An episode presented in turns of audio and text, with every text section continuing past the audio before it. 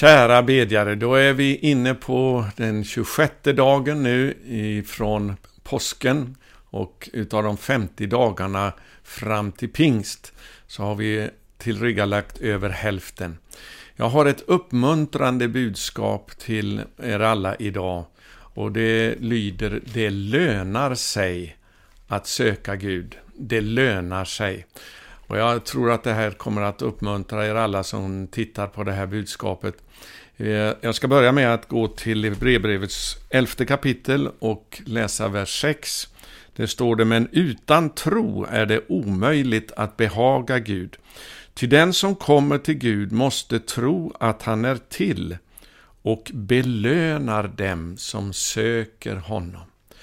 Och det vill jag bara uppmuntra med. Det lönar sig att söka Gud.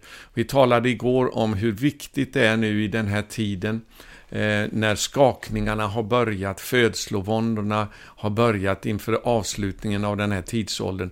Jag förstår att det kan vara lätt att bli rädd inför det här som nu pågår och det som ligger framför. Men kära vänner, vi ska inte vara rädda. Vi vet att eh, Jesus säger i Lukas 21, när ni ser allt det här hända, då ska ni lyfta era huvuden, för då nalkas er förlossning. Så vi ska veta att det bästa ligger framför oss som väljer att söka Herren och att tjäna honom. Jag vill att vi ska titta på det som står i Malaki kapitel 3.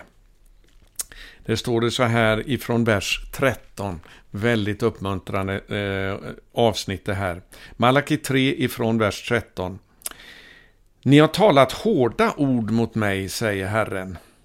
Men ni säger, vad har vi talat mot dig? Ja, då kommer det i vers 14. Ni har sagt, det är meningslöst att tjäna Gud. Vad vinner vi på att hålla hans bud och gå sörjande inför Herren Sebaot? Nu prisar vi det högmodiga lyckliga, det som handlar ogudaktigt uppmuntras. Det sätter Gud på prov och slipper ändå undan. Men så kommer det sen i vers 16 här. Men då talade de som fruktar Herren med varandra och Herren gav akt och lyssnade. Vad innebär det att frukta Herren? Ja, man kan säga kort, det betyder att man är medveten om att Gud ser allt och att han lönar det som, eh, den som gör det som är gott och att han straffar de som gör det som är ont. Det är vad det innebär att frukta Herren. Och vi ska se vad de säger här nu som fruktar Herren. En minnesbok blev skriven inför honom för den som fruktar Herren och ärar hans namn. Och det här är vad Herren säger om dem, rättare sagt, då ifrån vers 17. Det ska vara mina, säger Herren Sebaot, min egendom på den dag då jag utför mitt verk. Jag ska visa medömkan med dem, så som en man visar medömkan med sin son som tjänar honom. Då ska ni åter se skillnaden mellan den rättfärdige och den ogudaktige, mellan den som tjänar Gud och den som inte tjänar Gud. Vänner, det kommer att visa sig i dagarna som ligger framför vilka det är som tjänar Gud och vilka som fruktar honom och de som inte gör det. För det lönar sig att frukta Gud och göra det som är rätt. Det lönar sig att söka Herren. Eh, jag ska gå till ett annat avsnitt här i Jesaja kapitel 64. Och jag ska läsa vers 4. Aldrig någonsin har man hört, aldrig har något öra uppfattat, aldrig har något öga sett en annan Gud än dig, handla så mot dem som väntar på honom. Vi vet ju att det här är någonting som Paulus citerar i första Korinthierbrevets andra kapitel. Jag ska titta på det också, där det står så här eh, ifrån vers 9. Men vi känner, som skriften säger, vad öga inte har sett och örat inte hört och människohjärtat inte kunnat ana, vad Gud har berett åt dem som älskar honom. Så här, eh, Paulus, han eh, lägger till en, en liten eh, annan synvinkel på just det här citatet från Jesaja. Eh, där det står att Gud handlar eh, Eh, på ett sådant sätt mot dem som väntar på honom genom att han uppenbarar sånt som ingen har kunnat tänka sig. Inget öga har sett, inget öra har hört. Eh, det är vad Gud har i beredskap för dem som älskar honom. Det vill säga de som väntar på honom. Jag ska läsa nästa verser också i Jesaja 64. Du kom för att hjälpa dem som övade rättfärdighet med fröjd, dem som på dina vägar tänkte på dig. Ja, alltså, Gud kommer att komma till hjälp eh, för dem, eh, till dem som eh, övar rättfärdighet med fröjd. De som väntar på Herren, de som söker honom, de som tjänar honom och de som eh, fruktar hans namn. Gud kommer att visa en skillnad mellan de som gör det och de som inte gör det i den sista tiden. När andra människor, eh, står det, till och med ger upp andan av fruktan för det som ska komma över världen, så kommer vi att förstå att det bästa ligger framför oss.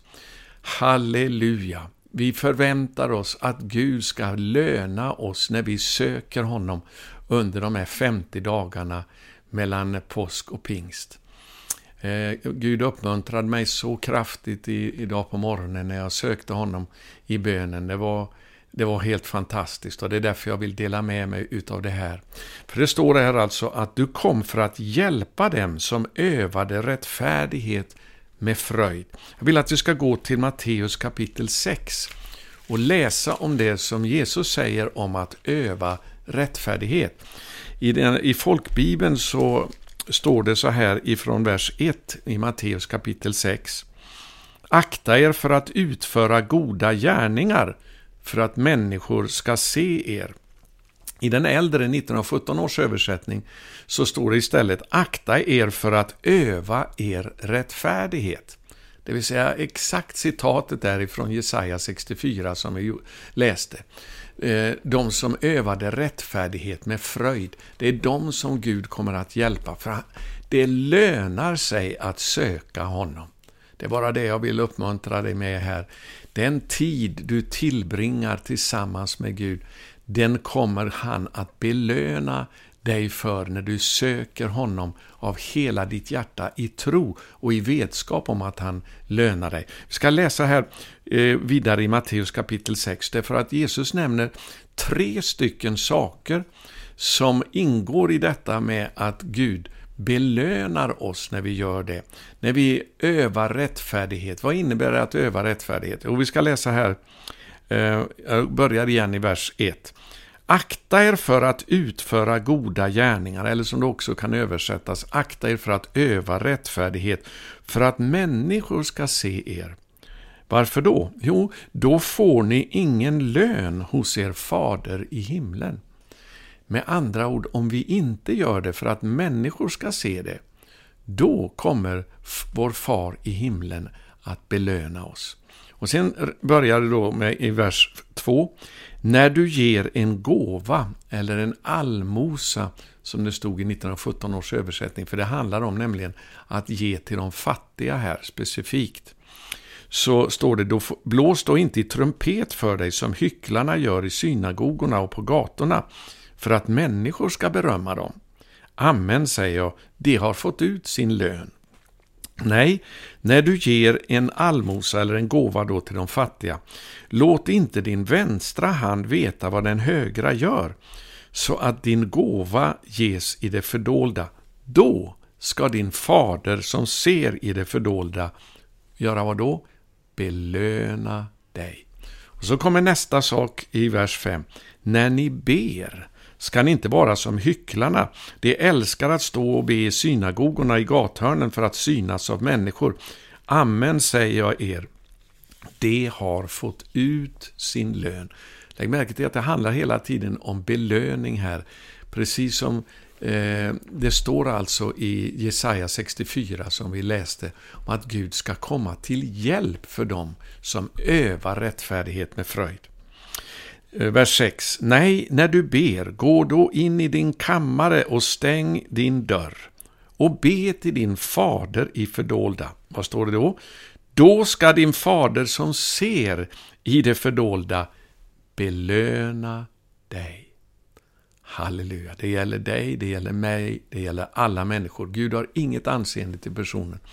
När vi söker honom i det fördolda, när vi ber till honom eh, i vår ensamhet, Eh, vi stänger in oss i vår kammare, så när vi gör det, därför vi vet att Gud lönar dem som söker honom, då kommer han att hjälpa oss. Och det, det, är alltså någonting som vi ska göra med glädje, med fröjd. Därför vi vet att det kommer en lön. Så kommer det sen, jag ska hoppa ner till vers 16, då kommer det tredje här. Det står, när ni fastar, se inte så dystra ut som hycklarna. De vanställer sina ansikten för att visa människor att de fastar. Amen säger jag er, de har fått ut sin lön. Nej, när du fastar, smörj ditt huvud och tvätta ditt ansikte så att människor inte ser att du fastar, utan endast din fader som är i det fördolda. Då ska din fader som ser i det fördolda belöna dig. Så det är alltså tre saker som Jesus tar upp här när det gäller att öva rättfärdighet, det som Gud belönar. Det första är att ge till de fattiga. Det andra är att be i det fördolda. Och det tredje är att fasta. Att ge, att be och att fasta. Det är eh, sådant som Gud kommer att belöna. Och vi ska vara ivriga att göra det. Och ett exempel på det här, det är ju Cornelius. Som eh, det står om i Apostlagärningarna 10. Eh, det står att han gav alltid allmosor eller gåvor eh, till folket och bad alltid till Gud. Och då kom en ängel till honom därför att, eh, för att tala om för honom hur han skulle bli frälst. Därför att det står att dina böner och dina allmosor, dina gåvor till de fattiga, de har stigit upp inför Gud som ett minnesmärke inför honom. Gud kommer ihåg, han lönar. Så under de här 50 dagarna så ska vi eh, söka Herren ivrigt utifrån att Gud kommer att komma oss till mötes med gärningar som ingen hade kunnat tänka. Ingen har hört, ingen har sett. Det Gud har i beredskap för dem som väntar på honom, eller som Paulus säger, som älskar honom. Och sen står det, du kom dem till hjälp som övade rättfärdighet med fröjd. Vi ska förvänta oss stora ting under de här, som ett resultat av de här dagarna när vi söker Gud. Gud vill svara på bön.